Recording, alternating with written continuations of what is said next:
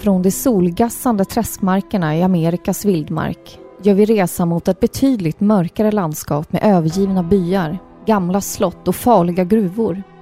Någonting otäckt och farligt hotar oss när vi kliver ner i denna urspårade saga. I detta avsnitt ska vi prata om Resident Evil Village. Häng med!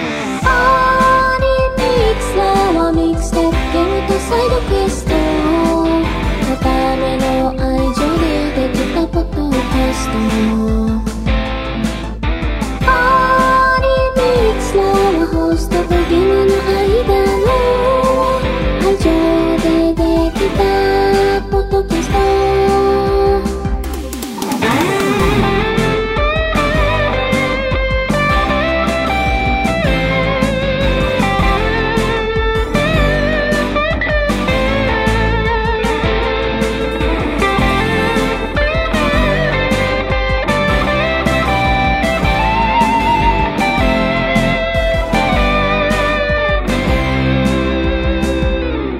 Varmt välkomna ska ni vara till avsnitt 153 av Sveriges mest kärleksfulla tv-spelspodcast Par i pixlar. Yes!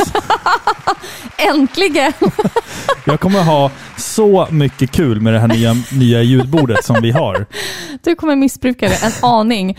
Men ja, varmt välkomna ska ni vara. Vi har fått en ny leksak tack vare till er fantastiska Patreons. Ja, Så vi precis. har en jättefin, eh, ett mixerbord helt Ni enkelt. hör ju att våra röster är krispigare än någonsin. Krispig, ni hör ni allt. Ja. Ja, nej men jag som pratar heter Filippa och med mig har jag som vanligt dig, Robin. Ja, hej Yay! Filippa. Hej. Hej. Det ska bli Ja. Res- Resident Evil-dags idag. Ja. Det, det är nästan... Det är alltid liksom lite högtidligt att prata Resident Evil. Eller hur? Det, det är inte ofta man får ett Resident Evil. Nej, liksom. nej det är det inte går det. några år emellan och nu är det dags igen. Ja, alltså fast vi har ju blivit lite bortskämda senaste åren här nu med Resident Evil 2 Remake, Ja, ja. Resident Evil 3 Remake, eh, Resident Evil 7 och nu då Resident Evil 8 Village. Men det är ju en, liksom en långlivad och respekterad Mm. eh, spelserie. Absolut. Legendarisk, om man Minst får sagt. säga det. Minst sagt. Så det är alltid kul när de släpper ett nytt spel Mm. i den här eh, raden. Ja, alltså det här nya ljudbordet vi har här, jag måste bara prata om det. Ja, det är, som du sa, det är våra Patreons som har betalat för det här. Eh, ljudet är krispigare än någonsin och jag har en liten så här soundpad här. Så att varje gång jag kommer dra ett dåligt skämt så kommer en sån här. Ja, det är otroligt alltså. Och eh, ja, kanske man går över gränsen med sina skämt, då, då får man en sån här. No! God, please, no! No! No! Michael Scott. Ja, precis. Har ni inte sett The Office så måste ni göra det. Vi har ju också den här då om man skulle göra bort sig. är det min favorit den här? Jag kommer bara mata in de här i avsnitten nu, Usch, bara så att ni vet Ta det. det lugnt nu, ta det lugnt. Måtta. Ja, men kan, kan jag få dra ett pappaskämt nu bara för att, bara för att testa? Okej. Okej. Vi gillar ju, alltså du och jag, vi pratar ju alltid om djur och vi gillar ju egentligen inget djur, har vi kommit fram till. Det är många lyssnare som har kommenterat senaste tiden här att vi tycker nog inte om något djur. Det är nästan som att lyssnarna är lite så här, oroliga. Ja, men så här, vi har ju lyssnare som har skickat bilder från Resident Evil Village till oss eh, på de här eh, skjutna djuren som ligger längs de här men gårdarna fy. och det. Och sen så här, skickar den här bilden till mig och sen så skriver de också till så här, du känner ingenting nu va? ja, men apropå djur då. ehm, vilken fågel kan man lita på? Trast.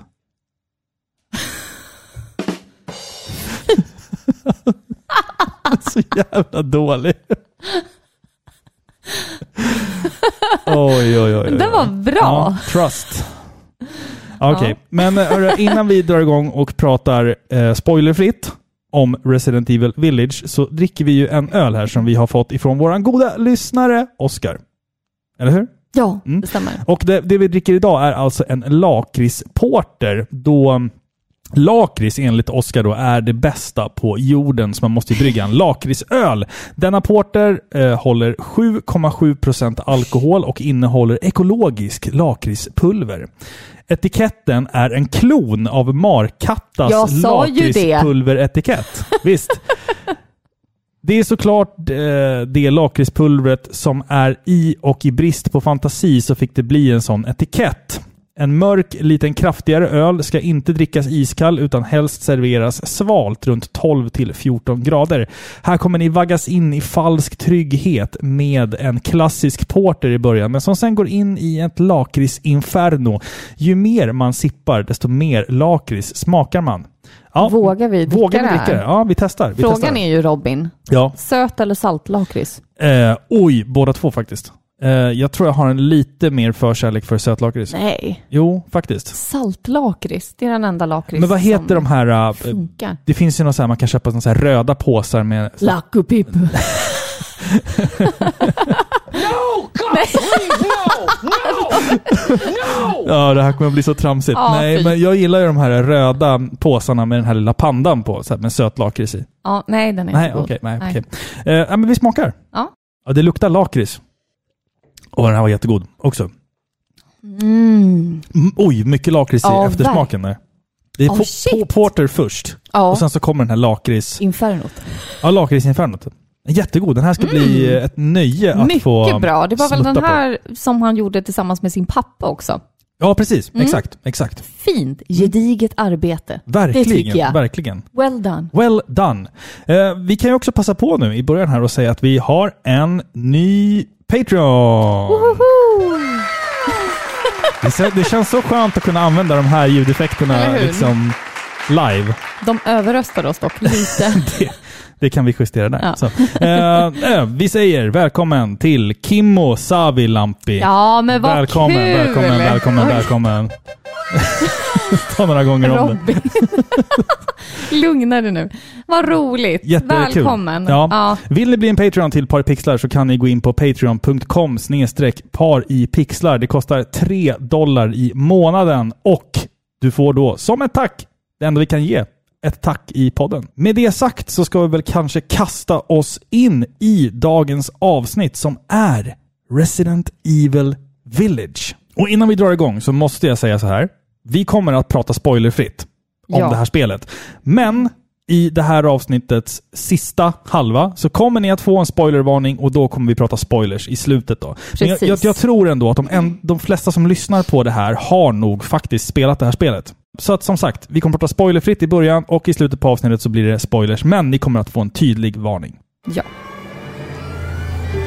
There's nothing to fear. Where's Rose? She's everything to me.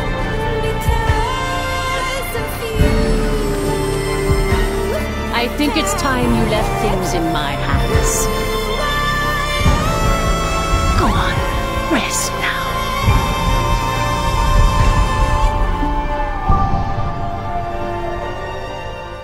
Resident Evil 8 Village släpptes det här året, 2021, och det är utvecklat precis som de föregående spelen av Capcom. Det här tjänar som en uppföljare till det föregående spelet, sjuan, där vi får stifta bekantskap med Ethan Winters som måste rädda sin flickvän Mia från sin galna hillbilly-familj. Det här spelet tar vi tre år efter händelserna i sjuan och är likt sin föregångare ett skräckspel i första persons perspektiv. Här får vi dock istället för utstakade banor och områden hela byar och slott att vandra runt i, med några undantag. Det är fullt med pussel i sann Resident Evil-anda och ett arsenal av både nya och gamla vapen samt ett monstergalleri som heter duga. Spelets regissör Morimasa Sato beskriver själv spelet som en blandning mellan miljöerna och stämningen i Resident Evil 4 med spelupplägget i 7 Det är spelet. Nu vill vi veta vad det handlar om. Ska vi kasta oss in i handlingen? Ja, men det tycker jag. Ska vi göra det så här härligt och dramatiskt som vi Ja, brukar göra? Okej. ja. Mm, mm.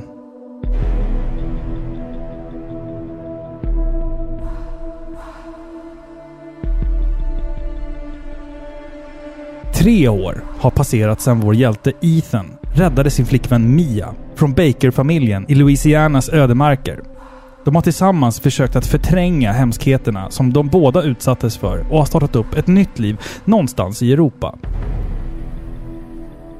Familjen fick ganska nyligen tillökning också när lilla Rosemary föddes. Ethan och Mias första barn. Men en sen natt kommer Ethan att kastas tillbaka in i mörkret när ett bekant ansikte med full styrka bryter sig in hos den lilla familjen och kidnappar den nyfödda flickan. Innan Ethan vet ordet av vaknar han upp på en okänd plats. En nattsvart och snöbeklädd skog omringar honom när han försöker komma ihåg vad som har hänt. Sakta kämpar han sig igenom den snåriga skogen och når snart en till synes ödelagd liten by. Men någon iakttar honom från avstånd och bidar sin tid. Bortom staden ligger ett enormt gammalt slott där Ethans nästa äventyr kommer att få sin start. Men det han inte vet är att han är väntad att anlända.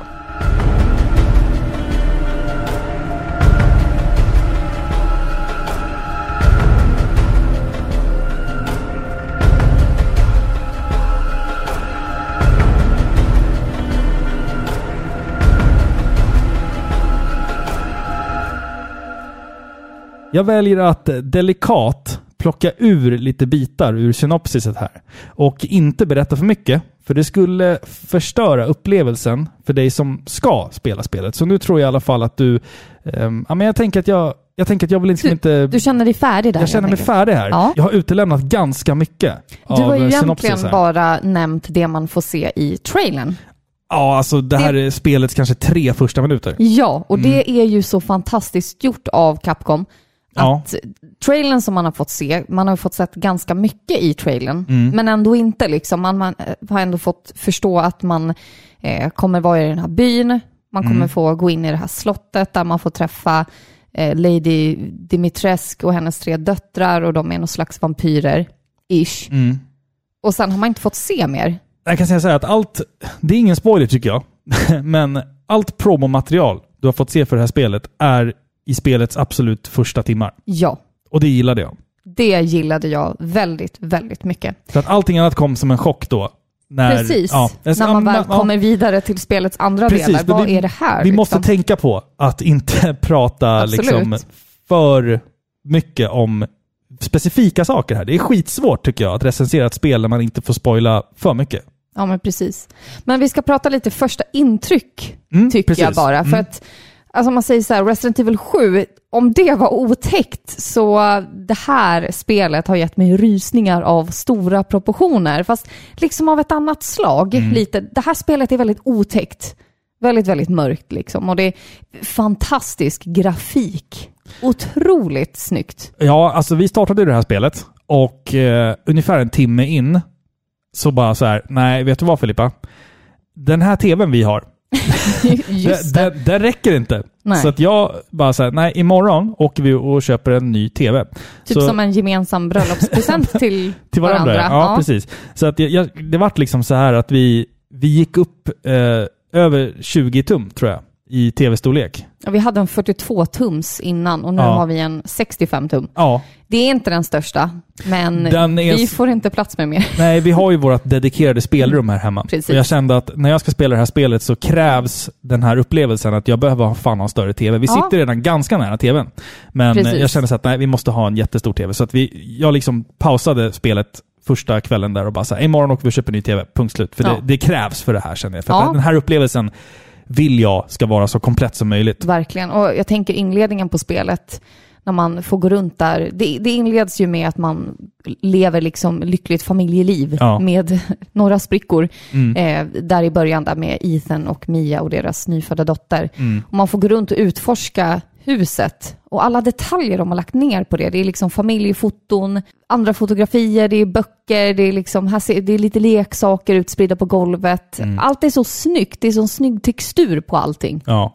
Det är inte bara bakgrund. Jag liksom. tror att man har använt sig av samma teknik som man gjorde i Resident Evil 7. Att typ varje enskilt objekt i spelet är Ja. liksom 3D-fotoskannat. Precis. Det måste det ju ha varit, för det, det ser så ut i alla fall. Ja, speciellt sättet, nu kommer vi in på lite grafik och sådär, men, men sättet som eh, ljus reflekteras på objekt. Alltså ja. typ eh, ljusstakar sånt som är gjort av eh, metalliska, Mm.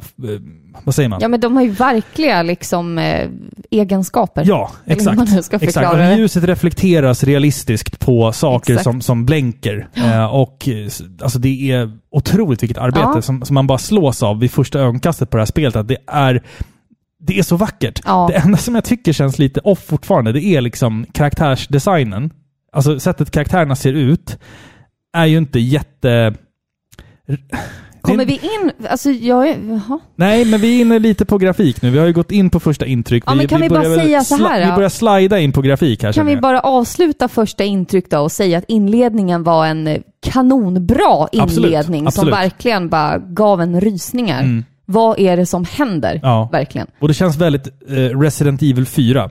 Första Ja. timmen. Vi kommer komma in Ja. mer på jämförelserna med Resident Evil 4. Men, så nu, ja. nu kan du få slida vidare till Ska jag slida vidare? Okej. Mm. Nej, men alltså det här spelet gjorde ju så att jag fick arslet ur vagnen som jag sa och köpa en större TV. För alltså grafiskt sett så är ju det här spelet lite som Resident Evil 7, fast snyggare. Som jag sa, det enda som jag tycker känns liksom lite off, det är karaktärerna.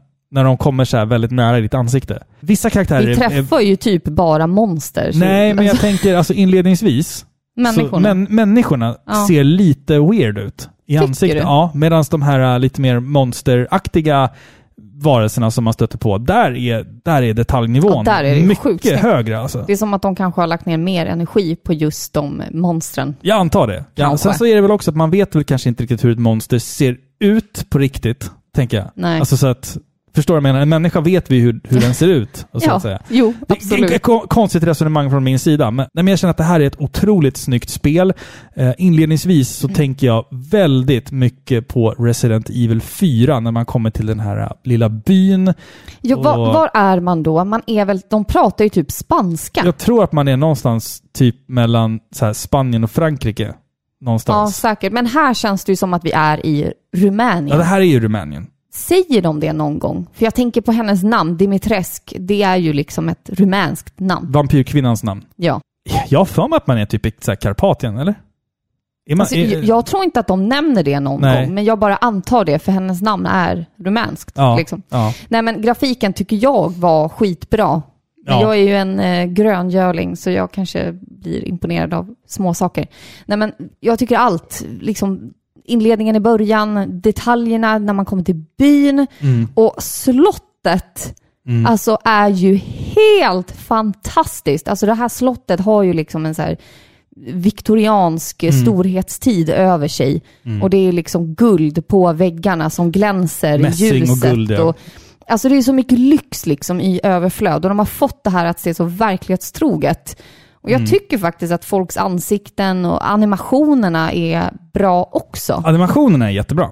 Ja, Det tycker jag verkligen. faktiskt. Och hur folk rör sig och hur monstren rör sig. Och det är inte så här, i vissa spel, eller det här kan ju hända i alla spel, att liksom monster går igenom, de snubblar över en osynlig kant liksom, du vet. Det är lite fult. Så jag upptäckte inga sådana problem Nej. här. Inte alls. Alltså, jag, jag känner också att inledningsvis när vi pratar om, om slottet och sådär, det som vi har fått sett i all reklam, eh, alla, alla reklamsammanhang av det här spelet, så slottet var ju för mig det som jag tyckte var alltså, betydligt mest stämningsfullt. Om man ja, säger så. absolut. Jag vill inte spoila vad, som, vad man liksom går efter det riktigt. Men. Men, men, eh, men alltså det är, det är så mycket i det här slottet som är, det har sån hög detaljrikedom. Absolut. Eh, ljuset, hur det, hur det som jag sa, reflekteras på de här olika möblerna. Se gamla, gamla, hundratals år gamla möbler. Men, alltså, nu är inte du och jag experter på just den viktorianska eran, eller om det är nu den gotiska eran. Ingen eller aning. Edvardianska eran. Vi kan ju typ- inte sånt, men det känns ju väldigt autentiskt. Som Ja. att de har gjort sin forskning liksom. Jag drar ur arslet Aha, att det känns som 1700-tal. Ja. Alltså, eller? Jag kan ingenting om... Ja, men om- absolut. Är det Nej, men- barocken? Eller är det, Nej, är, barock är, är det musik? 1600-tal. Ja, Ja, det är, det är musik, ja. det är musiken. Ja. Och vad finns det mer? Alltså barocken, Renässans. renässans. Jag kan inga. Vad heter den sista? Det finns en till. Vadå en? Är vi, vad, Vi pratar mus- musik. Ja, då säger man inte renässans. Nej. Är det månkonst då? Som är- Nej, det är en tidsperiod. typ renässansen, upplysningstiden, Ja. industrialiseringen. Ja, men det, ja, okej. Ja, nu Mm. blandar du grejer. Ja, jag blandar I ihop alla väldigt fall, grafiken, miljöerna, skitbra. Det känns som att vi har klivit rätt ner i Stokers Dracula. Ja. Mm, Och lite vi, så. vi kan ju prata lite mer miljöer tycker jag. Mm. Du vill inte säga för mycket, men vi, vi kan ju ändå snudda lite. Vi kan vill snudda vid saker. Ja, Mm. alltså jag älskar miljöerna i det här spelet. Om vi tittar på första spelet i den här faktiskt trilogin. Mm. Vi ska ju faktiskt få ett till spel. Ja. Men om vi tittar på då föregångaren, sjuan, där hade vi en väldigt, väldigt otäck stämning. Det kändes väldigt Texas Chainsaw Massacre. Ja. Det här huset, de här träskmarkerna. Riktigt obehagligt, smutsigt liksom. Här har vi något helt annat. Här har vi en öppen, en, en hotfull värld liksom, där det är fullt med hemligheter och dolda föremål. Och Mm. Det, här är, det här är liksom miljöer man vill upptäcka. Ja. Det här är skogar, gamla slott. Det, det är rakt ur en barnsaga. Jag, Alltså, ja. jag vill ju upptäcka det här. Förstår du? Jag, jag känner också att den platsen som jag tyckte var tveklöst läskigast, det är när man viker av från spelets stora karta och besöker ett litet hus vid utkanten av kartan. Och man ska då vistas i husets källare. Det var fruktansvärt alltså. Åh, där, fy. för där jobbar man supereffektivt med mörker mot Ja, ljus. Alltså ja. att du har en liten ficklampa och du ser typ två meter framför dig. Alltså det är Gud. fruktansvärt. Det där var nog spelets riktiga survival horror Ja, bit. ja. Plus inledningen tycker jag också Alltså- kändes lite survival horror. Det här spelet har ju, man har ju beskrivit det här spelet som något mer actionpackat än vad sjuan var. Sjuan var ju väldigt mycket så här smyga runt, Ja. eh, gömma dig för den här Baker Family. Mm. Vilket är riktig survival horror. Förstår du? Du är, aldrig, du, är, du är alltid i underläge. Mm. I det här spelet så är det lite mer action.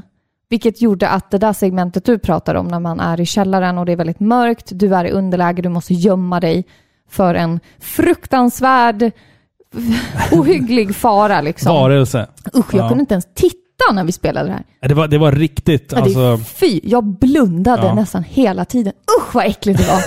Usch! alltså stämningen Fy. i det här spelet tycker jag håller alltså 80% igenom. Så är det, Ja. det är läskigt. Alltså, Det är läskigt. det är så pass att man, man vet faktiskt inte vad som ska dyka upp runt hörnet. Nej. Och den stämningen tycker jag är påtaglig i stora delar av spelet. Och det är ju mycket tack vare miljöerna Mm. som redan l- ger oss den här äh, fasta grunden till otäck stämning att Ja. stå på. Ja. Men sen är det ju såklart liksom hur de har valt att lägga upp spelet, alla oväntade saker som dyker upp. Och en annan sak som jag har uh, faktiskt tänkt på som var fantastiskt. I de andra Resident Evil-spelen så får vi ju ofta spela som en erfaren soldat av något slag. Typ Chris Redfield som aldrig är rädd för någonting liksom. Här spelar vi som Ethan Winters, en vanlig människa som bara ska rädda sin dotter. För andra gången. Eller så, För han, ska, andra han ska gången. ut på äventyr för andra gången. Ja, precis. Och då är det så snyggt gjort att man hör hans andning Ja, precis. Det tänkte jag på. hela ja. tiden. Alltså han är andfådd. Och så fort det kommer någon fara, liksom, då blir han rädd. Ja, Mm. precis. Mm. Och det gör att man bara rycks med och man känner med honom för att han är bara en vanlig människa. Ja, typ. men när, när han springer och när han, när han eh, vänder sig om och när han siktar. Det är alltid de här eh, mänskliga andningarna och Ja. andetagen. Och det Han är tycker jag- trött och man hör det liksom. Jag tycker det är häftigt faktiskt. Ja, precis. Det bidrar ju till den här otäcka stämningen. Mm. Nej, men grafiskt sett så tycker jag att det här spelet är, det är väldigt, väldigt snyggt.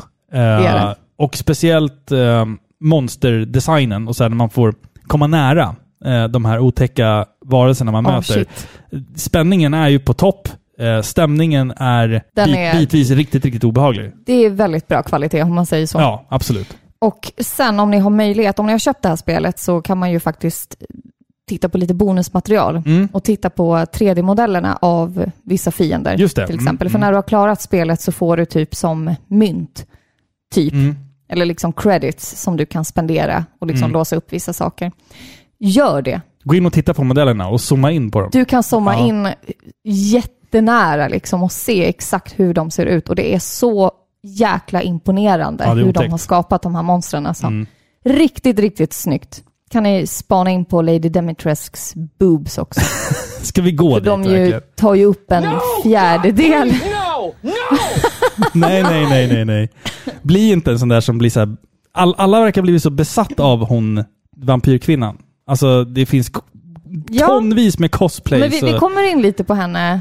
senare. snart. Vid spoilerdelen eller? Nej, men Nej. jag vill prata lite henne Ja. när vi pratar lite fiender och sådär. Vi tänkte ju ta in en eh, Kanadagås i podden. Alltså som, som gäst.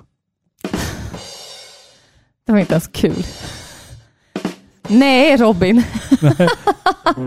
Okej, det var inte kul. Nej, det var inte kul. Jag kan fortfarande tänka på skämtet som vann eh, tävlingen. Könshår. Körns Mm, ja. Alltså den, den gör mig glad. Och jag berättade den på jobbet också. Det var en hit eller? Det var en hit. Det är alltid kul. Ja, folk skrattade. Det är alltid kul när man kommer med ett pappaskämt liksom. Ni får säga till i kommentarerna på det här avsnittet om mina ljudeffekter blir för mycket. Men ha lite överseende med Robin nu när han leker med sin nya leksak. Han är så glad. Ja. Ja. Nej, jag måste sluta med det där. Vi måste ju gå vidare nu. Vi ska komma in lite på spelupplägget och Mm. gameplay. Ja, precis. Det första jag tänker att vi måste ta upp i det här spelet är ju det faktum att du får utforska så mycket. I Ja. det här spelet så är det nästan så gott som open world, Ja, exakt. vilket exakt. aldrig tidigare har gjorts på det här sättet i ett Resident Evil-spel. Eh, Jag satt och funderade. Har det gjorts tidigare? Jag tror inte det. Nej, Nej, det har det inte va? jag skulle inte säga det. Nej, jag måste tänka nu från början. Resident Evil 1 Nej. är ju liksom Alltså, typ open. fast- alltså, fast in, ändå inte. Ehm, det är ju egentligen en ganska... Alltså de första Resident Evil-spelen, man får ju vibben av att man får utforska fritt på de platserna man befinner sig på. Men det är egentligen en ganska så linjär bana, bara man vet att man ska gå. Ja, Ehm, det här är första gången vi kan halvvägs igenom bara så här, nej men vänta nu, vi går tillbaka, vi gör det här istället. ja vi går och gör det där istället liksom. Ja. Ja, alltså de tidigare Resident Evil har nog varit ganska öppna på sitt sätt ändå, tycker jag. Fast ändå in, inlåsta. Ja, Alltså, men ja.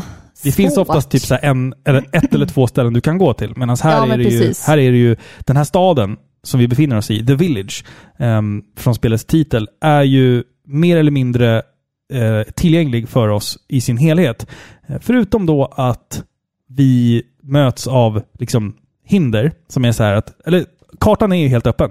Men sen är det så här, där kan jag inte gå in för där måste jag ha nyckel, där måste jag ha någon form av verktyg. Ja. Men du kan liksom ta dig runt överallt annars. Ja, Liksom. precis. Och sen när du har spelat en hel del i spelet så kan du alltid komma tillbaka när du har Mm. låst upp alla de här vägarna. Ja. Och det är det jag tänker att folk kanske inte gör, men gör det. Du vet, har man spelat Resident Evil innan så kanske man tänker att ja, men det där kommer sen i, i spelets narrativ. Mm. Ja. Liksom.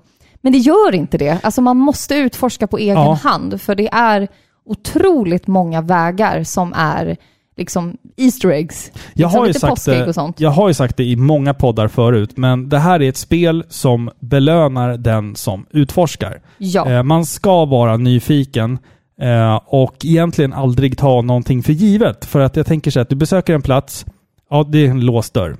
Och sen så kommer du tillbaka när du tror att du har rätt nyckel. Du går in, du hittar lite ammo, du hittar lite liksom lipofyllning, lite kanske någon cool vapendel. Och sen när du ska gå tillbaka så har liksom miljön utanför fyllts med typ fiender. Alltså du vet sån där, Ja. jag älskar sånt. Ja. Jag gillar det som fan alltså. Det blir som liksom minibossar. Det Nästan. blir typ det. Liksom. Och det tycker jag är jävligt coolt att man, man vet fan aldrig vad som väntar runt hörnet i det här Nej, spelet. precis. Och många av spelets pussel var just på sådana här äh, liksom gömda banor Exakt, också. exakt. Men man kan ju säga att byn är ju typ som en hubbvärld.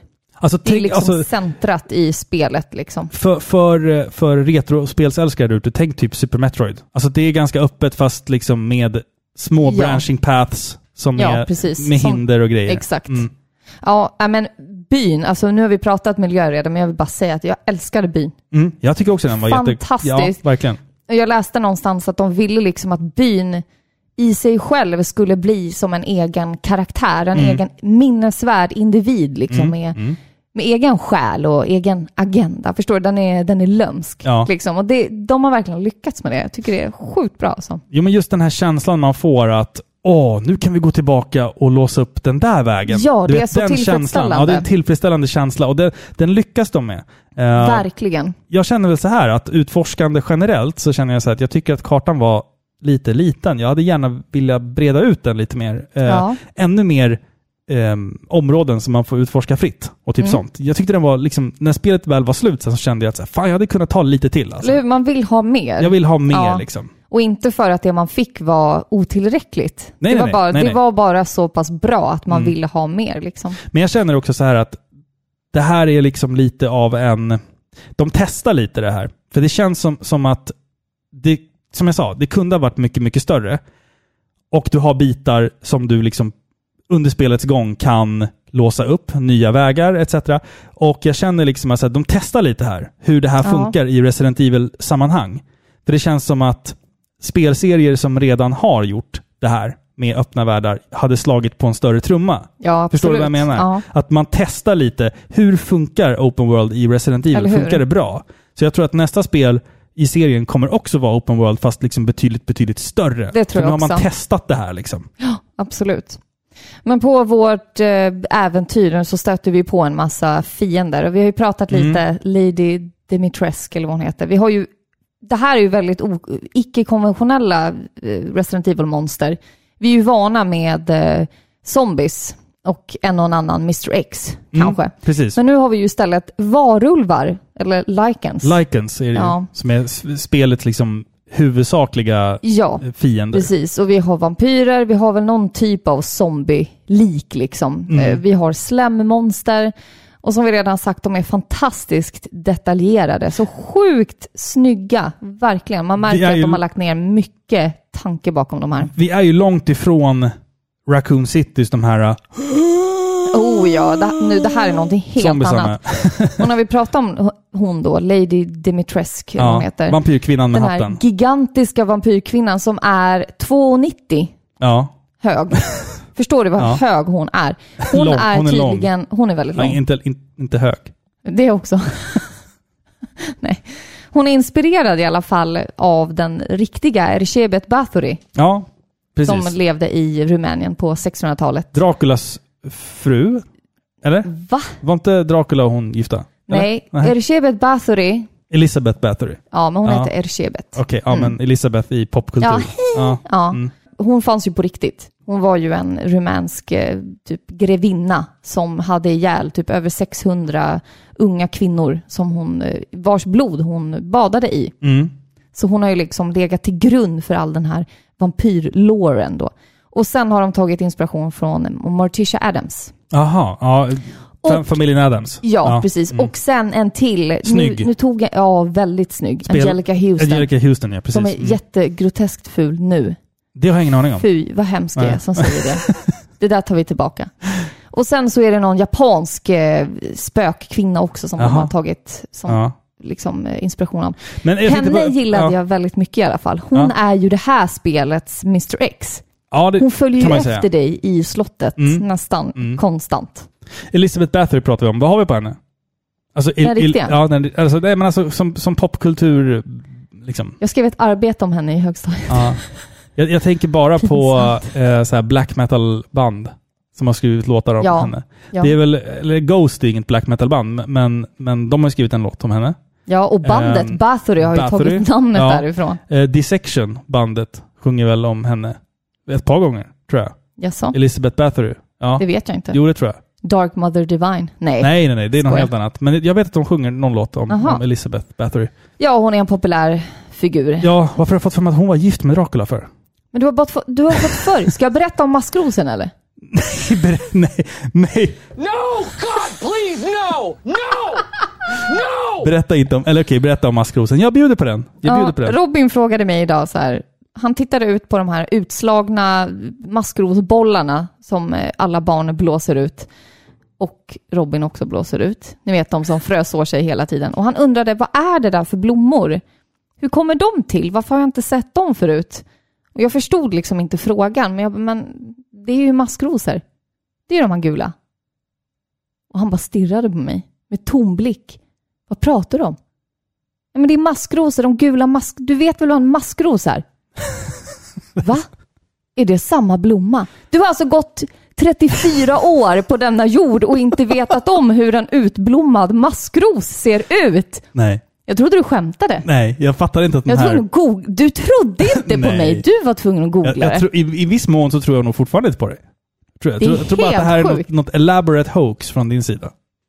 Att det är inte samma blomma. Ja, ja, jag väntar fortfarande på att du bara ska haha, got you. Nej. Ja. Nej, Nej, men ja, nej, så hon var inte gift med Dracula. nej okej. Ja, men då har, vi, då har vi rätt ut det och maskrosorna då. Ja, Mm. jättebra. Nej, men om, jag, om jag får återgå nu till, till liksom spelets action och fiender. För likt sin föregångare så är ju det här spelet, som jag, som jag tror att vi har sagt, en, ett första persons eh, eh, actionskräckspel. Man ska sikta och skjuta och, och se sig omkring och vara allmänt jävla rädd. Eh, Bajsnödig. Nytt för det här spelet är ju att Ethan genomgått militärträning mellan Resident Evil 7 och 8. Alltså på riktigt då. Det, det är liksom en del av, av loren. Va? Eh, vilket märks för att... ehm, På riktigt? Ja, precis. Alltså, han hanterar ju vapen på ett mycket säkrare sätt i det här spelet. Det är en sån liten detalj som man inte kanske tänker på. Men, Men vadå, man, säger de det? inledningsvis i spelet, i hans hem, så hittar man en manual där det står också att han har genomgått, eller typ ett diplom eller någonting, att han har genomgått militärträning. Så att han kan ju hantera kraftigare vapen i det här spelet. Mm. Eh, Han laddar ju om vapnen snabbare. En sån här liten detalj bara. Liksom. Mm. Vi kan ju också eh, i det här spelet blockera fiendens attacker och liksom knuffa bort fiender som är lite för närgångna för vår egen smak. Det är jävligt hjälpsamt i ett sånt här spel. I Ehm, trängda situationer? Ja, och man får ju lätt panik, så nu kan man liksom blocka fienders attacker. Eh, det funkar ju liksom väldigt effektivt. Och Väldigt det är, effektivt. Det är en liten sån här grej som man bara liksom gjorde för att nudga upp eh, skräcken i det här spelet. För nu är fienderna snabbare än i Resident Evil 7. De är snabbare in your face. Så att nu är det liksom att man, man kan liksom mota bort dem om de kommer lite för nära. En del av mig tycker att det är skitbra. Ja. Just för att man känner sig lite mer bekväm. Mm. För du kan, du har faktiskt en chans nu liksom. Du, du Ja. kan blocka och du tar inte alls mycket skada när du blockar. Till och med en boss liksom. Mm, mm, Dens attack kan du blocka. ja. Eh, men skräckälskaren i mig tycker inte om det. Just för att jag, det här gör ju att det här spelet blir lite mer action än vad det är survival horror. Men här, här måste jag säga en sak. Mm. Folk har frågat mig vad jag tycker om det här spelet. Och jag har sagt till alla som jag har pratat med att det är skitbra. Det är skitläskigt och obehagligt. Men det lider tyvärr av samma problem som Resident Evil 7 gjorde. Och det är att Resident Evil 7 också inleddes som ett survival horror-spel. Du kände dig hela tiden underlägsen din, ditt motstånd. Alltså fienderna, bossarna. Du kände alltid att du var lite i underkant. Och att det var alltid den här äh, gränsen mellan liv och död. Typ du hade inte så många skott och det var många element exakt. där du inte hade något vapen alls Ja. och bara skulle gömma dig. Men i Resident Evil 7 och Resident Evil 8 så finns det en turning point, ungefär typ 80% in i spelet, där man har så mycket vapen och så mycket ammo att det inte längre blir läskigt. Ja. För att du kan blåsa bort allt i din väg. Ja. Och då blir det tyvärr, precis som i Resident Evil 7, att det blir mer en smått generisk liksom, shooter framåt Ja. slutet. Istället, nog istä, helt med. istället för just att jag hade, jag hade så gärna velat skräcken hade kvar. hållit i sig hela vägen ut. Ja, men men bara gör det. inte det i det här spelet. Ta bara det segmentet du pratade om med den mörka källaren. Mm, mm. Vi som har spelat spelet vet ju exakt vilket eh, parti du pratar om. Ja. Och där är du ju helt i underläge. För du får inte ha något vapen med dig dit. Du har inga vapen. Det, det kan vi ju ändå spoila. Liksom. Det kan vi spara. Och det gör så mycket med hela stämningen. Det är alldeles kolsvart. Du vet Ja. knappt vart du ska. Liksom. Du har Mm. en karta och du famlar i mörkret liksom, medan en gigantisk... Ja, men säg inte vad det är. Nej, jag säg säger inte, inte vad det nej, är. säg inte vad det är. Men någonting Det, jagar dig. det är fruktansvärt och det är så läskigt. Ja. Tänk om hela spelet var så här. Fast då tror inte jag att vi hade spelat det. Jag hade spelat det. Alltså, men det, det, det som jag säger är att tyvärr, Resident Evil Village lider av samma sak som sjuan gör. Och det är att någonstans framåt slutet så övergår det från ett jätte, jätteläskigt och obehagligt skräckspel till en generisk shooter. Typ, alltså typ, det, det fanns bitar i Resident Evil Village i slutet som jag tänkte så här, fan är det här, är det här Doom? Eller är det Resident Ja. Evil? Alltså det var verkligen Jo, så jag lite så. Att det var Det- mer, det handlade mer om hur, man, hur snabbt, vilket vapen man kunde ladda om snabbast. För att det är så mycket fiender och det bara svärmar överallt. Det blir så här bara, äh, det känns Det är lite tråkigt. lite trist faktiskt. Ja, faktiskt. Men det är ju typiskt Resident Evil. Det ska alltid... Balla ur. Det ska alltid balla ur, ja. Med eh, gigantiska monster i slutet Ja. där du bara pepprar. Ja. Liksom. Men jag tycker typ att så här, gamla klassiska, typ Resident Evil 2, det, Mm. det håller hela, hela resan igenom. Du känner alltid att du egentligen aldrig har ett övertag. Mm. Men sen i de här senare spelen så är det så att du har så mycket ammo, så mycket skott och grejer att det är så här, det blir bara, Du, du kan göra misstag och ändå överleva. det blir bara Medan pang i de pang. gamla spelen, och då är det ju också mycket på grund av de klonkiga alltså, Ja, kontrollerna, ja, ja. som gör att du måste veta exakt vilka steg du ska ta. Ja. Du måste vara snabb, du får inte vänta för länge. Mm. Förstår du? Striden där i slutet. Alltså förstår du? Det, Ja, exakt, exakt. det är håller med. helt annorlunda än mot de här nyare spelen. Fast det som, det som jag samtidigt vill säga gör att det känns ehm, som ett klassiskt Resident Evil, det är att vi har ju item management, eh, inventory management. Ja, som i fyran. Allt att sånt du kan där. flytta Ja. runt och hålla på. Exakt. Det gör ju att du kan inte bära med dig hur mycket som helst. och du måste liksom se till att, okej, jag, jag har så här många objekt jag kan bära med mig. Eh, jag måste tyvärr lämna, eller slänga bort de där två sakerna. Det tycker jag är en viktig grej i survival horror-spel. Eh, Absolut. Det, det känns jättemycket som Resident Evil 4, när man får sitta och hålla på de här menyerna och fan Mm. den här pistolen går inte in här, så jag måste vrida den eh, 90 grader åt det här hållet och Ja, peta in den där. Liksom. Det, det gillar jag som fan. Det, det gör att det ändå känns liksom som att man inte alltid har övertag. Nej, precis. Det här avsnittet av Par i pixlar görs i samarbete med tv-spelsbutiken Spel och sånt i Norrtälje. Och Filippa, du vet ju, jag gillar ju att, Vad lägga, jag? Jag, gillar att lägga betoning på ordet sånt i Spel och sånt. Ja, ja, absolut. För att vägg i vägg med den fysiska butiken i Norrtälje så har de ju dessutom en arkadhall. Ja, exakt. Och det är ju inte bara spel man köper hos eh, spel och sånt. Nej, nej, nej. nej, nej. Det är alltså, ju finns allt ju så mycket mer. däremellan. Ja, exakt. Kläder, brädspel, nyckelringar, koppar. Mm. Allt. Merchandise. Och såklart då spel, alltså tv-spel, nya Ja. och gamla. Så att alltså det finns liksom ingen ursäkt till att inte besöka Hantverkargatan 2 i Norrtälje. Det tycker jag. Så än en gång, ett stort tack till spel och sånt. PS. De har öppet alla dagar. Nej. Sinnessjukt. En annan sak som är genomgående för alla Resident Evil-spel är ju just pussel och pussellösningar. Och det här spelet har ju ett genomgående pussel. Mm. Och det är att vi ska leta kroppsdelar. Ganska morbid. Ja. Fruktansvärt. Men Ja. det är fyra stycken och varje del låser upp en del av kartan då i slutet av spelet. Jag tyckte det här var ganska bra pussel. Jag gillar, det är ganska simpelt. Väldigt det basic är det ju. Ja, det Ja. är det. Men sen är de här små pusslen som var, ja men jag tyckte de var ganska innovativa. Och många hittar man just på de här gömda extra delarna av spelet. Jag tyckte om det här, det här pusslet när du är i ett, det är ett låst rum med eh, hängande eldkar, Mm. Mm. liksom, som brinner. Och så har du då dörrar som bara låses upp om facklorna över dem blir tända. Ja, just det. Och i början så är det ju enkelt. Du får inte säga lösningen på pusslet Nej, jag ska inte Ja. säga lösningen. I början är det ju enkelt, det är ganska straightforward, du fattar vad du ska göra. Men sen så händer det någonting och du måste liksom tänka till. Det tyckte jag var kul. Ja, sådana såna pussel som är lite innovativa. Eh, som också använder sig av eh, spelupplägget, eller man ska säga, Ja. utan, utan att liksom gå in exakt Jaha. på lösningen på, på ett specifikt pussel. Men Det är interaktivt. man, man måste tänka efter lite vad man kan göra och inte göra. Alltså det tog Typ. ju inte oss lång tid att lösa det, men det var ju ändå kul. Ja, det var så här, ah, fan nu kände jag mig smart. Ja. Det är ett sånt pussel. det, var, det var skitenkelt, men så här, du? Ja. Ehm, men det, det finns ju lite olika typer av pussel i det här spelet. Resident Evil, som du sa, är ju känt för att det blandar liksom skräck med pussellösningar som ofta har typ samma struktur. Vi har ju vägblockeringspusslerna, alltså de som hindrar din direkta framfart. Man ska liksom vända på klossar eller snurra på saker i rätt ordning för att få en nyckel och kunna gå vidare.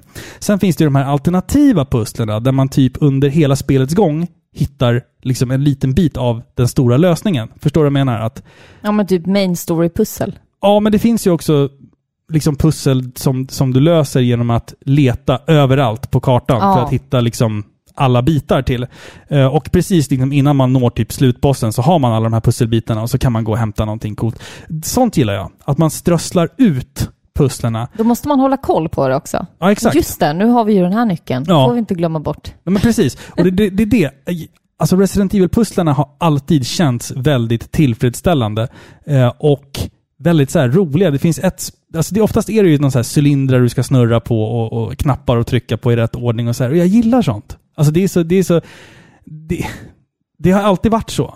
Och Ja. det, det känns verkligen Resident Evil när man får sitta länge, ibland en timme, med ett pussel bara Nej, den där, den där klossen ska inte vara där. Det Jag, jag, älskar sånt alltså. Jag med, jag håller med. Jag tycker inte att vi fick tillräckligt bra sådana i det här spelet. Det Jag tycker de var perfekta. jag tyckte att det var lite för enkelt, om jag ska vara helt ärlig. Ja, kanske då. Men eh, alltså, i de första Resident Evil-spelen, då var det ju liksom avancerat. Då skulle du liksom hänga med i alla Mm. böcker som du hittade i de dåligt upplysta rummen. Och, Ja, förstår, du, var, du mm. var verkligen tvungen att utforska och det kändes liksom mer genuint. Mm, mm. Du är tvungen att hitta lösningen. Den kommer inte bara ligga på bordet framför dig, utan du måste faktiskt förstå och lösa gåtan själv. Och man ränner runt i Spencer Mansion och flyttar på statyer och du hittar grejer. Och det var riktigt spännande, för det gjorde att det blev lika mycket ett pussel och detektivspel som det blev ett survival horror. Alltså ett pussel som jag gillade, det var, utan att spoila nu då, man kommer till en stuga och man eh, hittar ett kassaskåp. Och det är en kod som du ska slå in på det här kassaskåpet. Och det finns liksom egentligen ingen ledtråd till vad rätt kod är. Förrän du börjar gå runt i huset och lägga märke till saker när du tittar åt ett, åt ett specifikt håll. Väldigt specifikt håll just. Det var inte jättesvårt. Du sov när jag spelade Va? just det pusslet. Så du var inte ens med när jag spelade pusslet. För du, du Aha. sov. Eh, Då tänker jag på ett annat. ja, du tänkte på ett annat pussel. Men det var Ja. ett annat pussel eh, som också är kombinerat med en, med en extrem, Du med, med en extrem jump scare. Eh, sitter ihop med det där pusslet. Och det var typ spelets absolut bästa jump scare. Och då ligger du och sover i soffan. Men! Den gången du faktiskt gjorde ja, det. Så att, det är eh, så ja. typiskt. Du säger att vi inte ska spela mer, så gör du det Men jag ska ändå. bara säga, men jag måste spara. Jag gör klart det det, är här så här, först. Liksom. cheating. Ja, ja, ja, ja, ja. Vad blir det om man kissar på en katt? Det blir Kissekatt. en kissekatt. Nej. Och om man kissar på den och den springer iväg, då blir det en kissemiss. Den var bra. Den Var den verkligen bra? Nej. Okej, ja, du får en sån. Jag får, jag får en sån till. Ja. Ska vi prata spoilerfritt nu? Om spelets typ handling och upplägg och tema och lite tankar kring Typ det. allt. Ja, alltså jag är lite kluven till storyupplägget och det är Resident Evil-puritanen inom mig som, som talar dessa ord. Bara så att du vet. För mig så kommer ju liksom alltid Resident Evil att vara ett zombiespel, eller vad man nu ska kalla det. Nu har ju serien inte varit det på väldigt, väldigt länge. Och för varje spel som släpps så strävar det ju liksom lite, lite längre ifrån det. Det var ju i och med Resident Evil 4 som man bara började acceptera de här knasigheterna som typ onda dvärgar i Napoleon-outfits. eh, zombiesarna var inte längre zombies utan någon så här Las Plagas eller Uroboros. Eh, Resident Evil-puritanerna där ute fattar ju vad jag menar när jag säger det.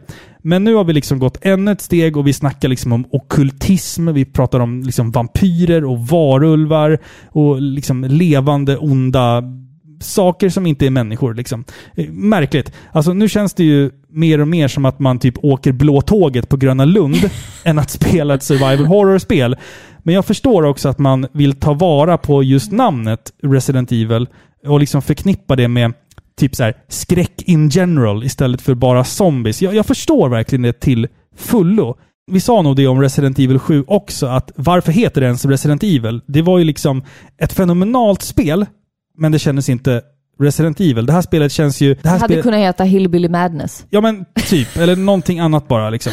Det här spelet känns inte heller som Resident Evil i min mening. Men det är ju ett väldigt bra spel för det. Liksom. Man borde, det borde hetat någonting annat, kort och gott. Nej, men alltså jag, du säger det jag vill säga faktiskt. Jag, jag tycker att det här spelet är mycket bättre än sin föregångare, sjuan. Tycker du det? Ja, det Ja. tycker jag faktiskt. Det här känns mer som en origin story. Förstår du?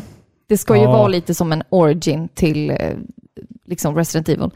Däremot blir det för flummigt framåt slutet. De blandar Mm. in för mycket. Vi får svar men inte tillräckligt. Och då tänker jag att det kanske kommer i nästa. Eller? Ja, Men kanske. jag kan säga så här, vi, du har sagt det också, vi, vi har kommit en lång väg från de gamla hedliga zombiesarna i Raccoon Mm. City. Det, man kan säga så. Det var så simpelt och kravlöst där. Vi, vi hajade, vi köpte idén på att ett multiföretag som tillverkar medicin kanske har fibblat lite vid sidan av liksom med biologiska vapen eller vad de håller på med. T-virus. Vi köpte det. Ja. Förstår du? Det är någonting logiskt i det här skruvade universumet. Men att vi hamnar här, någonstans i en mörk europeisk skog med något som liknar en urondska, det blev lite för långsökt. Förstår du? Mm. Jag, jag gillar idén att det inte började med Umbrella, men Mm. svaren var för få. Men däremot, fantastiskt spel. Faktiskt, Absolut, när, när vi absolut. pratar gameplay, karaktärer, monster, miljöer. Mm. Alltså det kändes riktigt spännande, väldigt medryckande. Men det hade lika gärna kunnat ha en annan titel, för de här spelen har lika lite med Resident Evil att göra som typ The Last of Us. Ja, alltså man försöker ju, och tyvärr lite krystat, para ihop den här storyn med storyn i sjuan och även de äldre Resident Evil-spelen. Och alltså, jag vet inte riktigt vad jag tycker om det. Har man spelat Resident Evil förut, då kommer man känna igen element. Alltså Ja. de, de gamla Resident Evil-spelen, så kommer man känna igen saker. Och, Absolut. och det som händer då, när jag ser det, jag kastas ur illusionen av det här spelet lite. För att i min, i min värld så är, utspelar sig inte det här spelet i samma värld som de klassiska Resident Evil-spelen i Raccoon City. Nej, men det ska det göra. Precis, och det är det som det, det kastar mig ur illusionen. För att jag tycker att Resident Evil Village är ett stämningsfullt, skitläskigt och asbra spel.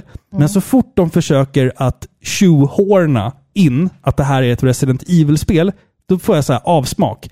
För att i min värld så finns inte vampyrer och varulvar Nej. i Resident Evil.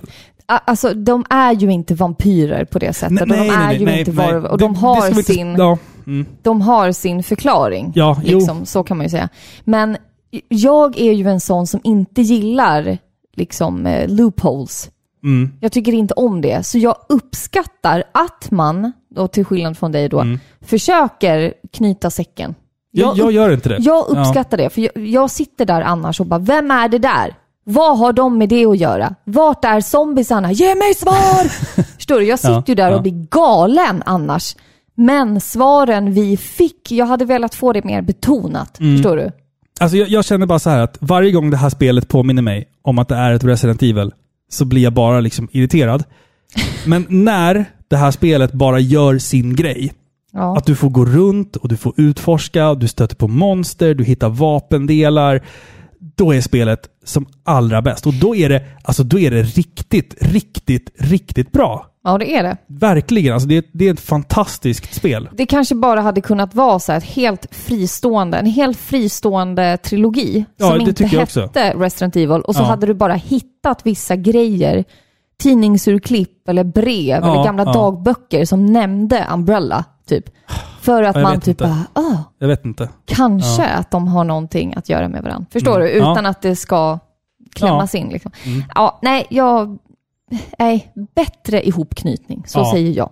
Ska vi göra så här nu, som Mm. förslag, att ska vi prata lite slutord, vad vi tyckte om det här spelet, och sen så går vi in i spoiler-territorier och liksom spoilar sönder vad vi tyckte om, Ja, om allting. Då. Det tycker jag. Eh, för jag tycker ändå att, som jag sa, det här är ett väldigt, väldigt bra spel. Vi kastas inledningsvis in i de mörka skogarna där vi är bytet. Allting handlar om att vara strategisk och att överleva samtidigt som man försöker finna livpåfyllning, ammo och då sanningen i storyn.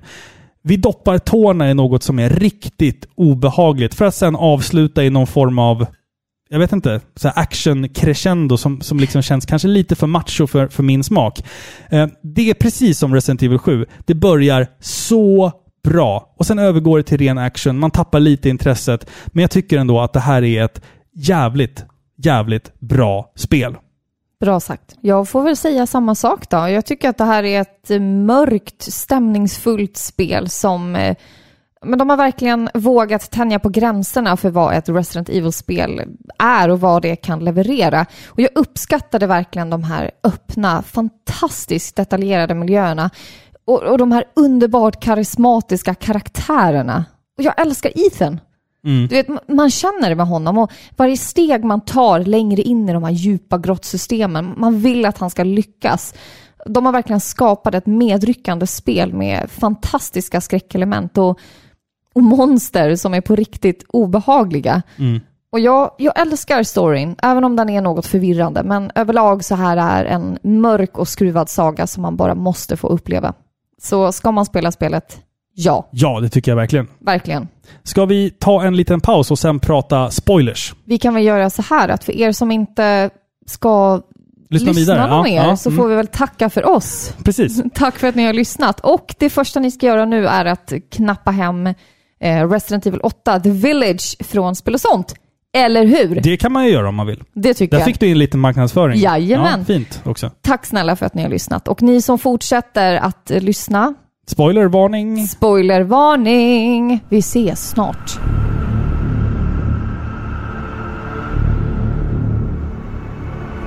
As the midnight moon rises on black wings, we await the light at the end. In life and in death, glory to Mother Miranda.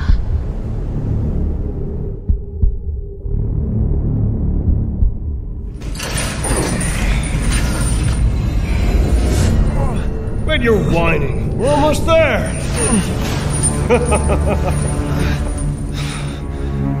Rose, where are you? If there are any survivors out there, come to my. to Louisa's house near the fields.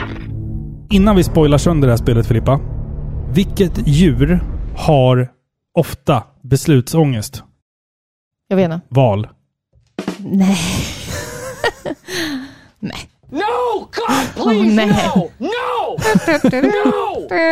Ska vi köra den också bara för... bara för att vi kan? Åh, vad hemskt. Där tappade vi hälften av våra. Jajamän. Vi ska spoila sönder Resident Evil 8, The Ja, Village nu. så, än en gång, har ni inte spelat spel, lyssna inte nu. Nej. Eller om ni vill, gör det. Ja, nu Men- kommer spoilers. kommer Jättemycket, det. jättemycket spoilers. Okej, nu säger jag det bara. Nu, Mm. Ja, nu får du hålla lite muntligt föredrag här för ja, mig. nu, är vi, nu har vi ju den här uronskan. Mm. Ja, det är ju en enorm mögelsvamp i grottan. Ja, det är det. Det är ju den. Ja, eller hur? Visst har Ja. jag fattat det här rätt nu? Och den är ju typ ett ursprung till allt som har hänt. Ja, Spencer Mansion. Man får ju, och det är det, det är det jag tycker. Att där borde man ha fått eh, lite mer förtydling. Förstår du? Att Mm. han kanske sa någonting, att, han, att det blev skriptat liksom. Att han läste upp någonting. Bara Spencer Mansion. du, du får ju ett dokument, du får ju ett dokument där, där, man, där man liksom kopplar samman eh, Spencer och Jo men du kan den lika här gärna bara platsen. springa förbi det. Jag, jag vet, Förstår jag du? vet. Ja. Jag vill ha skriptat att de säger att okej, svampen är the bad guy.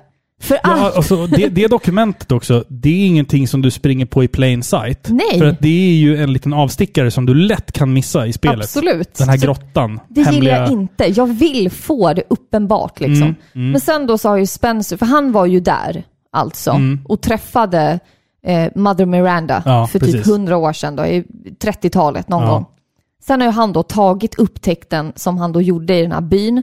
Han har startat, startat upp Umbrella och börjat experimentera själv Mm. och kommit fram med T-virus. Alltså det, där, det känns bara så himla... eh, Alltså Och hennes- efter, efter konstruktionernas Och noder. hennes Ja. idé var ju att få tillbaka sin dotter, medan hans idé var att skapa vapen för att ta över världen. Liksom, förstår du?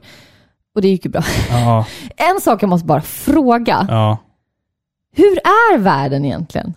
Alltså, Menar du Resident Evil? i Resident Evil, för Ja. i slutet så får du ju se Ethans dotter Rosemary. Och hon liksom besöker en eh, gravplats. Mm. Hon besöker hans gravplats. Mm. Och världen är typ normal. Hon sitter på bussen. Ja. Finns det inte zombies längre? Jo, jo, men alltså så Var här. är de? I ursprungliga Resident Evil så är du ju i Spencer Mansion. Ja. I Resident Evil 2 och 3 så, så är det ju Raccoon i City. Raccoon City som sen bombas sönder. Ja. Och i de andra spelen så besöker du ju liksom bara utbrott av det här viruset. Vi har i Resident Evil 4 så har du eh, Las Plagas som Mm. är då i Spanien, Frankrike någonstans där. Sen är det i Afrika. I Afrika, där man också har ett, Urumburus. ett origin till viruset som är Ja. en blomma då.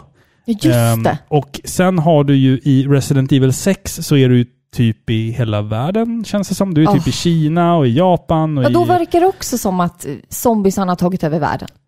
Ja fast det är ju så här utbrott bara. Det slutar ju alltid med att städerna blir sönderbombade och sen så end of fucking story. Ja, men det är ju så att det, det, jag tror- slutet jag tror var så att hela, märkligt. ja, men hela världen är inte zombies. Utan det är liksom det är outbreaks som sen Ja. stoppas med att man lite, lite enkelt bara så här släpper en bomb Ja. över det liksom. America! Ja, America. America! Ja, nej men så här. Alltså, Fuck jag måste bara säga så här.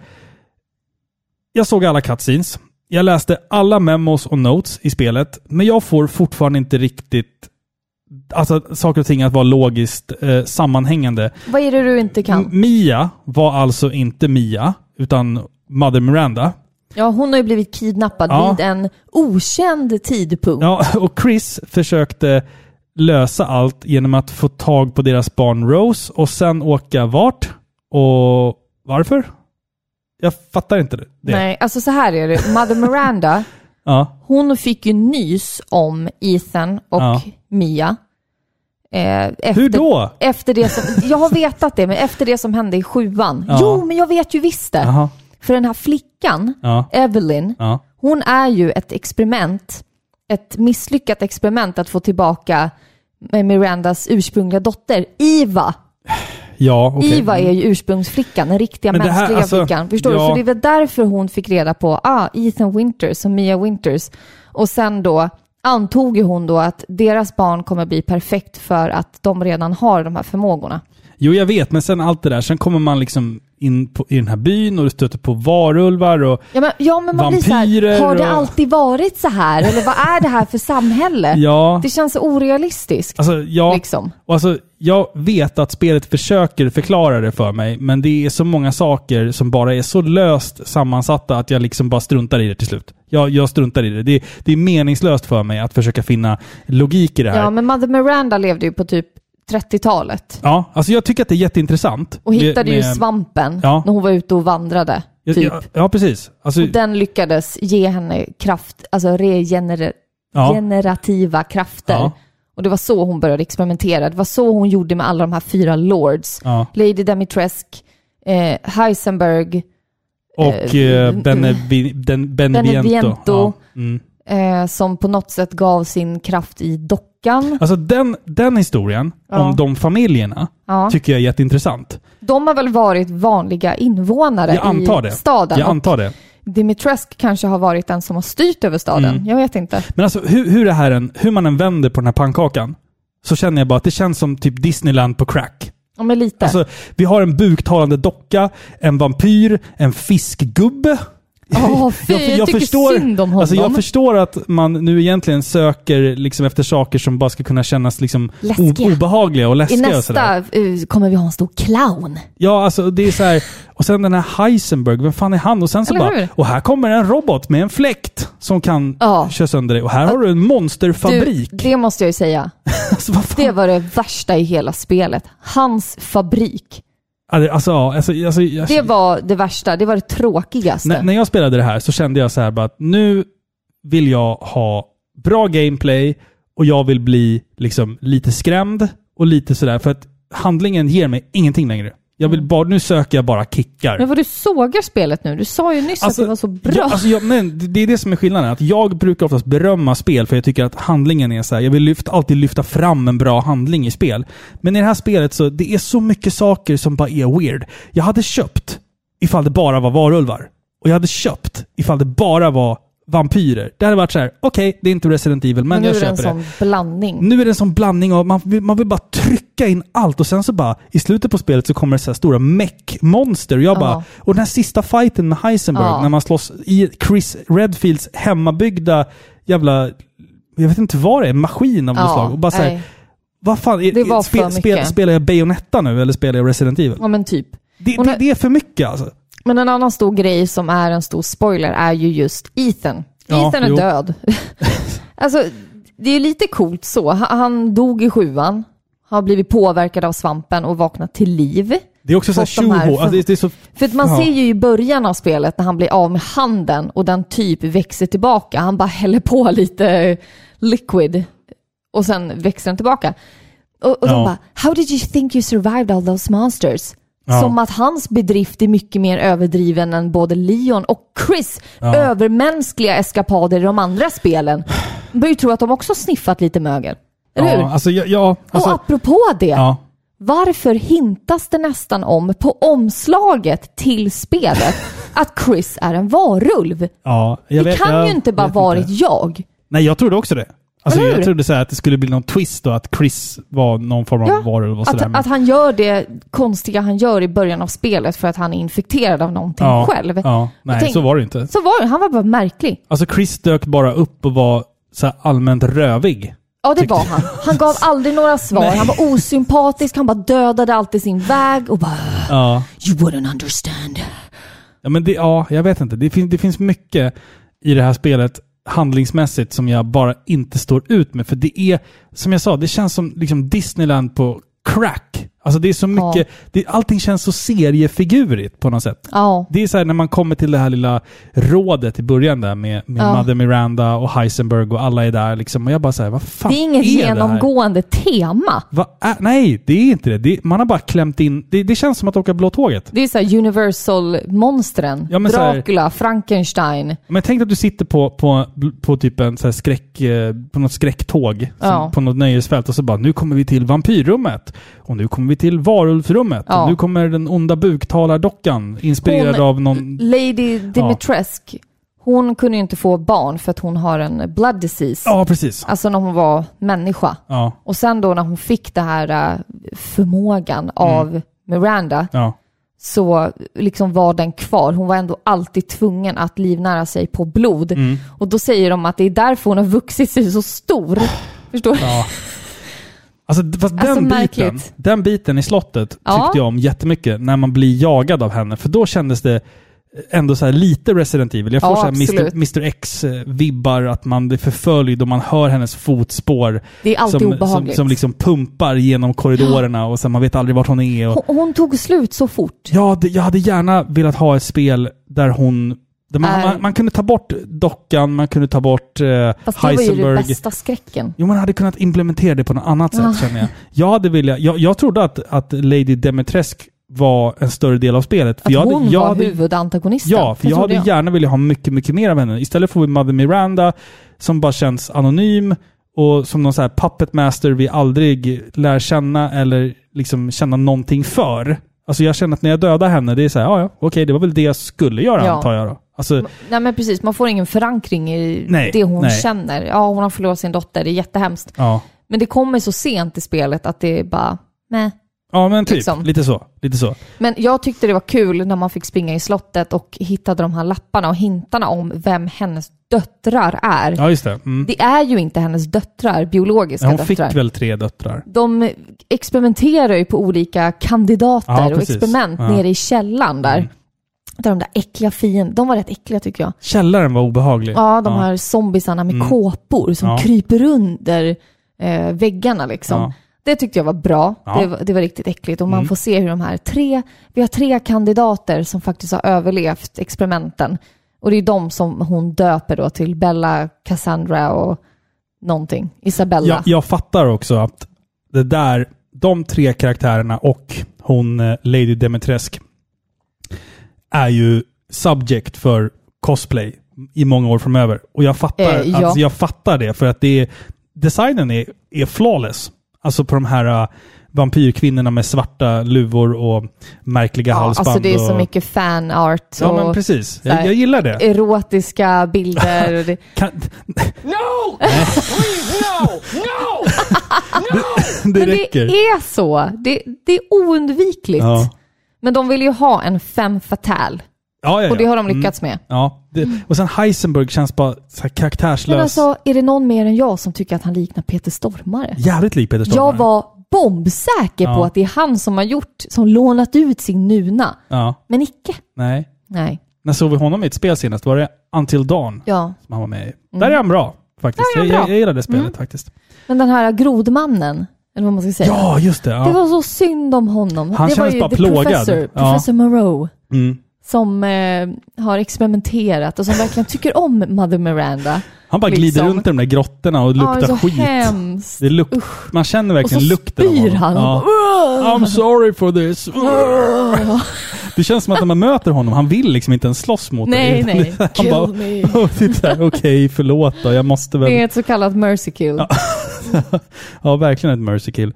Ehm, men sen den här dockan, när man kommer till det här huset. Ja, den, och den stora biten, fostret. den biten... Där sa jag det. Ja, ett stort foster som man... Och du vet, man får inte komma nära den där, för att då dör man. Så att, Ja. så att man... Man ser den man typ ser inte den riktigt. inte riktigt i ljus, utan du ser bara liksom ljuset eh, nå, nå den och du känner bara åh, jag backar nu.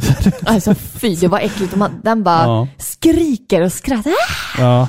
Fy vad äckligt det var. Usch, bara skyndar till hissen. Och sen att du Bara, springer runt åh. liksom i ett, i ett, vad ska man kalla det, alltså stugan känns ju som en verklig plats liksom. Så, här, så går du in i barnkammaren och gömmer dig under sängen där. Det, ja, jag gillade det jätte, jättemycket. Jag bara ryser, jag bara tänker på det. Ja. Det är så här, det är inga fönster. Nej, jag tyckte det var jättespännande. Och sen Undangömt. den här dockan som du ska dissekera där och hitta olika ledtrådar Ja. på. Och så här, det tyckte jag om jättemycket. För det, det kändes också som en helt så här, separat del av Ja. det här spelet. Men det gillade jag. Vet du vad jag tänkte på? Nej. PT. Ja, lite så. Väldigt Faktiskt, mycket ja. PT. Mm, du går mm. runt där, du har inga vapen, du kan inte försvara dig. Du ska egentligen bara liksom fly, Överleva. överleva och... Ja, men riktig survival horror, det Mm. Ja. är det vi gillar och hatar. Ja, alltså jag tycker det här spelet är Det är jävligt, jävligt bra. Men det är som sagt det som jag har klagat på nu senaste kvarten här. Det är ju liksom spelets stora problem. Det är att man försöker baka in för mycket skit i spelet. Ja, och du. Ja. Den största what the fuck, Mm. Det är ju den där sagan som läses upp i början. Ja, det är märkligt. Som då läses upp för Rosemary, Ja, bebisen, barnet. av fake Mia. Ja. Mother, som då Mother var Miranda. Mother Miranda. Ja, ja. Det är som att hon läser upp den här sagan för att hon liksom vill implementera de här idéerna i Baby Ja, Rosemary redan mm. från början. Men är det en riktig saga? Alltså förstår du? Det är så märkligt. Var kommer Ja. sagan ifrån? Vad har den någonting med något att göra? Ja. Det finns mycket att klaga på, alltså handlingsmässigt. Ja, när man går in och nitpickar liksom så Mm. finns det ju det. Men jag förstår, alltså, samtidigt så måste jag nog säga så här att jag förstår att det finns människor som har spelat det här spelet och som verkligen älskar handlingen och Ja, bara ja, vill ja. grotta ner sig i de här bisarra karaktärerna. Men det är ju spännande. Men, men som en puritan va? Som, som liksom spelade Resident Evil 1996 så känns det här liksom lite för, lite för TikTok-generationigt för min, för min smak. Alltså. Oj, boomer. Ja, jag menar det. Jag menar det. Ja, nej men det här, det här är inte ett Resident Evil tycker jag. Nej, det är det inte. Det skulle bara... Alltså, re- Okej, om, vi ska, om vi ska spåna fritt här. Det förra spelet, Resident Evil 7, Mm. vad tycker du att det skulle ha hetat egentligen? Jag tycker att det borde hetat kanske... Jag vet inte. Det här spelet skulle i alla fall bara heta The Village. Punkt slut. Tycker Ja. jag. Precis som filmen. Av M. Night Shyama- Shyamalan... Shyamalan. Shyamalan- Eller jag vet inte. Shamalamalan. Bra film! Ja, Den är faktiskt bra. ja. Folk den är hatar riktigt den. plottig. Ja, ja, men folk hatar den. Jag, alltså jag inte den. holes utan twists. Ja, plot twist. Ja, precis. Men den är bra, tycker den jag. är bra, absolut. Jag, jag sitter och funderar nu liksom vad den ska heta. Mm. Alltså man, man vill ju gärna... Alltså jag uppskattar ju spel som bara är ett enda stort mysterie. Ja. Jag tänker så här... The House kanske bara. Ja, men bara så här, typ titeln, Ethan Winters. Eller typ så att man får lite Alan Wake-känsla. Ja, ja. Mm. Förstår du? Det blir lite mystik kring personen. Mm. Vi får inte se hans ansikte i det här spelet heller. Nej, Jättekonstigt. Aldrig, inte ens Nej. när han dör. Nej. Tänk att jag fick säga det i podden. Ja. det här är spoiler-territoriet. Ja, jag vet, helt jag rätt. vet. Nej, men, men jag, jag känner liksom att ehm, det här spelet skulle hetat bara The Village. Ja, Känner jag. Och det förra spelet skulle ha hetat Boo Haunted House. boo. Luigi's Mansion. jag ska Ja. VR-experience. The Baker Mansion eller någonting. Jag, Ja, jag vet The inte. Bakers. Nej, The det låter som Baker. en sån sitcom. We- Welcome to the family. Eller hur? Ja, det hade varit en. Man hade haft något så här rolig liten vignett där. Men han var ju skitäcklig i, i Resident Evil 7. Alltså pappan där. Ja, Baker, Ehm, pappan ja. Ja, och i det, här Gud. spelet, i det här spelet så är det ju Mother Miranda, eller inte Mother Miranda, utan Lady Demetresk. Jag känner liksom samma den här lite Ja, otäcka känslan till. mm. Liksom. och Heisen. Jag trodde förresten att Heisenberg var den stora varulven. Ja, ja, ja. I Ja, början. precis, ja, ja. Men den stora varulven var ju bara en stor varulv. En stor varulv. Typ, Men hammare. vad är grejen med de gigantiska djuren som bara dyker upp? Hur, vadå menar du? Ja, men Alltså- vi har ju typ jättemånga svarta jätter, Black de Phillip, där, som ja. bara ränner runt. Ja, men de är ju sådana här collectibles. Alltså att du... Men But Ja. why? Varför är de så stora för? Är de När vi- stora? De är ju jättestora! De Inte är ju tänkt på. större än dig. Jaha. När vi kom ut, vi stannade ju till och bara... Eh, typ, är det en boss? Ja. Vad vill de? Nej, Jag vet, jag vet, jag vet inte. Jag, jag reflekterar aldrig inga på, frågor. Nej, jag ställde inga frågor till dem. Bara skjut och döda. Ja. Nej, men alltså, ja. Nej, jag vet inte vad man ska säga. Jag tycker bara att handlingen i det här spelet kändes eh, jättekonstig. Ehm, och nu när man får säga spoilers eh, så tyckte jag liksom att nej, det var för mycket skit man bara tryckte in. Eh, men det är ett jävligt, jävligt bra spel ändå på något sätt. ja, alltså ni fattar vad vi menar. Ja, jag, ni, ni fattar vad vi menar. jag gillade The Duke. Faktiskt. Och jag gillade att han gjorde referenser till What you buying, what you selling. Something a friend of mine used to say. Men det var Det kul! tyckte jag var fint. Och sen när han liksom blir vän med honom och frågar när han ligger i hans vagn där Mm. bak. Typ, Ja. What are you really? Mm. Typ, Even I don't know really the Ja, answer. ja typ. det, det var fint. Ja. Det är lite coolt, Ja. för det är som att han är ett väsen från en annan värld. Eller Ja. han, han vet inte själv riktigt. Man blir ju kompis med honom framåt slutet när man kommer till The Factory. Ja. Och The Factory, vi har inte pratat om det, men vad fan var det? Ja, men jag sa ju det, att alltså- sista delen var skit. Jo, men man kommer ner där och så är det bara så här löpband med någon så här robotmonster som tillverkas. Och jag bara, vem fan har satt upp allt det här? Ja. Alltså, Eller, Eller det är så hur? mycket logiska Man luckor. köper inte vad som helst. Nej, nej, man gör liksom. faktiskt inte det. Faktiskt inte, och speciellt inte eftersom det finns ju människor i byn, Mm. vanliga människor, Ja. som liksom påstår att Mother Miranda has always protected us. Ja. Okej, men Va? hur, hur länge då? Sen då? Ja. Eh, Det är som att de är med på hela det här, Ja. fast ändå inte. Alltså det är jättekonstigt att säga det här, men jag tyckte verkligen att Resident Evil Village var ett jävligt bra spel. Fast handlingen var bara så jävla weird. Och inte alls speciellt bra tycker jag. Alltså jag tyckte handlingen var jättebra och det är ett jättebra spel, men den tappar när den försöker hitta anknytning till Resident Evil. Ja, men det var det jag sa. Det var det jag sa. Ja. ja. Nej, men vi, vi kanske ska sätta punkt där. Vad säger du? Ja, men det tror jag. jag. Jag tror att vi har spytt tillräckligt Ja. mycket galla över ett fantastiskt spel. Får jag köra, får jag köra ett sista pappaskämt då? Ja. Kanske. Jag måste ju få användning av mina nya roliga knappar Ja, här. gör det då. Okej, Gå va- loss. Varför kunde inte lejonet äta gnuet? Han hade gnutenallergi. Nej. Nej. Den var inte så bra va? Den var inte så jättebra. Nej. Ja, ja. Jaha, hörni, kära lyssnare. Ni har lyssnat på avsnitt 153. Eller, ja, jag, tror, jag vet inte. Jo, Är det 153? 153 Ingen av. Sveriges mest kärleksfulla tv-spelspodcast. Ja. Med ett krispigare ljud än någonsin. Krispigare ljud med en massa loj-ljudeffekter Ja. också. Vart hittar ni oss? På Facebook och Instagram tänkte jag säga, men det är ju fel. Ja, där finns vi också. Ja, ni får jättegärna följa oss på Facebook och Instagram. Man kan lyssna på podden i i stort sett alla podcastspelare. Vi finns också på paripixlar.se eller videospelsklubben.se. Glöm inte bort att eh, om ni har möjlighet att bli en del i, av vår eh, Patreons Ja, för tre dollar i månaden. ja typ, Ish. 30, typ 30 spänn. Ja, precis. Och så har vi en fantastisk Discord-grupp också. Mm. Där det hänger likasinnande människor som snackar spel och öl och kamrater. Allt Comrades. det där hittar ni på paripixlar.se och ni Ja. är varmt välkomna att joina oss där. Vi har precis öppnat en kanal på vår Discord där vi ska prata om årets E3-mässa som är i Oh. juni och som är helt digital. Så att vi ska hänga i chatten där och Krispigt. jag kommer hänga där och när jag kollar på presskonferenserna och säga vad jag tycker och sådär. Så att, eh, joina! joina! Ja. Det blir jättekul. Eh, och, Pixelplutonen. ja, precis. Och vi måste fortfarande trycka Pixelplutonen-tröjor. Alltså det måste vi göra. Ja. Gud vad coolt. Faktiskt. Tack som fan för att ni har lyssnat hörni. Ja, det tycker jag. Nu ska Puss. jag säga det. Ja. Tack och hej. Tartix. Du, du får inte kontrollera den där. Nej. No! God, please, no! No! Nej, vi, vi, säger, vi säger hej då där. va? Ja, tack snälla för att ni har lyssnat. Puss på er. Hej. ア